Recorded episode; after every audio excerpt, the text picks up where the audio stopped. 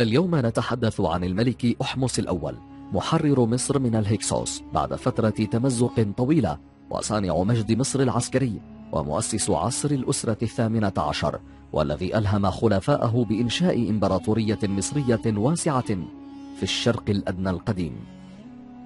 الفان جروب بالتعاون مع قناة متع عقلك يقدمان حلقة جديدة من بودكاست حكاية إنسان. أحمس والذي يعني ولد القمر أي الهلال ينحدر من الأسرة السابعة عشر بطيبة جده إسقن رعتع وجدته تتشري. كان لديهم من الأبناء ما يتجاوز الاثنى عشر بمن فيهم سكن رع وإيا حطب. تزوج الأخ والأخت وفقا للتقاليد المصرية في مصر القديمة وقتها بهدف نقاء العرق الملكي. أنجبا أحمس الأول وكامس والكثير من الإناث. وتبع أحمس تقاليد والده وتزوج العديد من أخواته. وجعل أحمس أخته نيفرتاري زوجته الرئيسية وأنجبا العديد من الأبناء. أحمس الأول يعتبر مؤسس الأسرة الثامنة عشر وكان عضوا في العائلة المالكة لطيبة في عهد والده. تمردت طيبة ضد الهكسوس وتعددت التفسيرات حول دلالة تسمية الهكسوس فقال المؤرخ مانيتون إن الهكسوس معناها ملوك الرعاة وقال المؤرخ يوسف بن متى إن معناها الأسرى الرعاة وأطلق المصريون عدة تسميات على الهكسوس منها وباء الطاعون وكلها تسميات تعكس كره المصريين وبغضهم لهم. واختلفت الآراء حول موطن الهكسوس الأصلي حيث يرى البعض أنهم من سلالة أريا من وسط آسيا والبعض يرى أنهم من أعراب شبه الجزيرة العربية ويرى آخرون أنهم من آسيا الغربية. عندما كان أحمس في السابعة من عمره قتل والده وفي حوالي عمر العاشرة توفي شقيقه لأسباب غير معروفة ويرجح أغلب الظن أنه توفي خلال معاركه ضد الهكسوس ولم يحكم سوى لثلاث سنوات فقط. وتولى أحمس الأول العرش بعد وفاة أخيه وبعد توليه أصبح يعرف باسم نبترع والتي تعني سيد القوة رع أنهى خلال فترة حكمه على غزو الهكسوس وطردهم من منطقة الدلتا واستعاد طيبة سيادتها على جميع أنحاء مصر وأراضيها خاضعة لها سابقا من النوبة وكنعان. كما أعاد تنظيم إدارة البلاد وفتحت المحاجر والمناجم وطرق جديدة للتجارة وبدأت مشاريع البناء الضخمة من النوع الذي لم يجري منذ ذلك الوقت في عصر الدولة الوسطى. وضع عهد أحمس الأسس لعصر الدولة الحديثة والتي بموجبها وصلت الدولة المصرية ذروتها.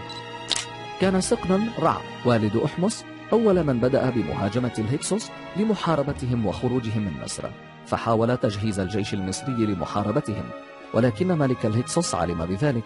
فأرسل إليه من يتوعده بحجة أن أفراس النهر في طيبة تقلق منامه في أواريس فغضب سجن رع وجمع أمراء الصعيد لمحاربته لكنه قتل في الحرب فدفعت الأم بكامس الذي أبلى بلاء حسنا وطهر الصعيد من الهكسوس لكنه قتل أيضا فدفعت الأم بابنها الأصغر أحمس من أجل القضاء على الهكسوس وإخراجهم من البلاد وكان لها دور مؤثر وبارز في القضاء على الهكسوس فحاول القائد الصغير تفادي الأخطاء السابقة لتحرير أرض مصر من الغزاة.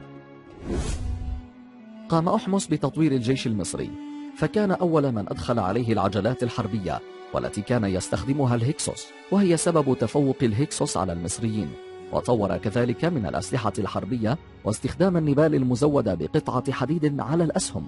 ثم بدأ بمحاربة الهكسوس بدءا من صعيد مصر والتف حوله الشعب فقام بتدريبهم بكفاءة حتى أصبحوا محاربين أقوياء ومهرة ظل يحارب الهكسوس من صعيد مصر حتى وصل إلى العاصمة مصر آنذاك التي أقامها الهكسوس بجوار مدينة الزقازيق الحالية وكانت تسمى أورايس عاصمة الهكسوس. وهزمهم هناك ثم لاحقهم إلى فلسطين وحاصرهم في حصن شاروهن وفتت شملهم هناك حتى استسلموا ولم يظهر الهكسوس بعدها في التاريخ أبدا.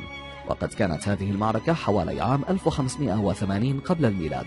ولم يرجع أحمس إلا عندما اطمأن على حدود مصر الشرقية من هجماتهم بعد القضاء عليهم. بعد طرد الهكسوس وصل أحمس بجيشه إلى بلاد فينيقيا كما هاجم بلاد النوبة لاستردادها مرة أخرى إلى المملكة المصرية التي وصلت حدودها جنوبا إلى الشلال الثاني وصورت حملات أحمس في مقبرة اثنين من جنوده هما أحمس ابن إيبانا وأحمس ابن نخبت. وهما قائدين من القادة العسكريين لهذا الملك.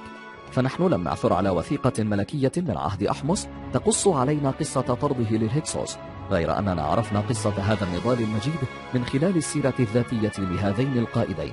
وفي هذا ما يؤكد أهمية السير الذاتية في مصر الفرعونية واستخدامها كوثيقة للتاريخ. بعد انتهاء أحمس من حروبه لطرد الأعداء وتأمينه لحدود مصر وجه اهتمامه إلى الشؤون الداخلية التي كانت متهدمة خلال فترة احتلال الهكسوس. فأصلح نظام الضرائب فأصلح نظام الضرائب وأعاد فتح الطرق التجارية وأصلح القنوات المائية ونظام الري. ولم ينسى أحمس أن يشيد بدور والدته أيا حتب التي لعبت دورا مهما في حياة زوجها وولدها. وتشير لوحة في معابد الكرنك إلى دورها العسكري. حيث كانت ترعى الجنود وتهتم بشؤون مصر وعثر في مقبرتها على بلطة وخنجر وفي هذا ما يظهر دور هذه الملكة العسكري في تلك الفترة. وأشاد أيضا بجدته الملكة تتشري وبأفعالها المهمة لمصر في لوحة أقامها لها في أبيدوس كما شيد ضريحا لها هناك. كما قام بإعادة بناء المعابد التي تحطمت واتخذ من طيبة عاصمة له. وكان أمون هو المعبود الرسمي في عصره. مما جعل المؤرخين يعدونه مؤسس الدولة الحديثة.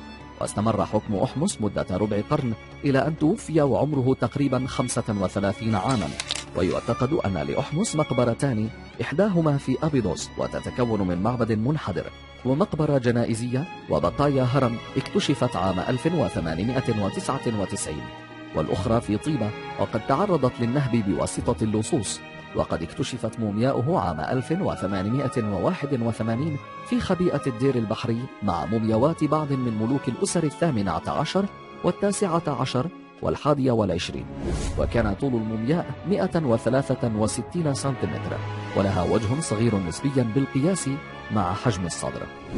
يعد القائد المصري العظيم أحمس من القادة العسكريين الذين فطنوا إلى أن طرد أعداء مصر لن يأتي إلا من خلال أدوات حربية متطورة وذلك ما مكنه من هزيمة الهكسوس شر هزيمة حتى تطور مفهوم السلام بعد حرب الاستقلال بقيادة أحمس لكي يصبح سلاما له قوة تفرضه وتحميه وتمنع الغزاة الأجانب من مجرد التفكير في الإغارة على مصر.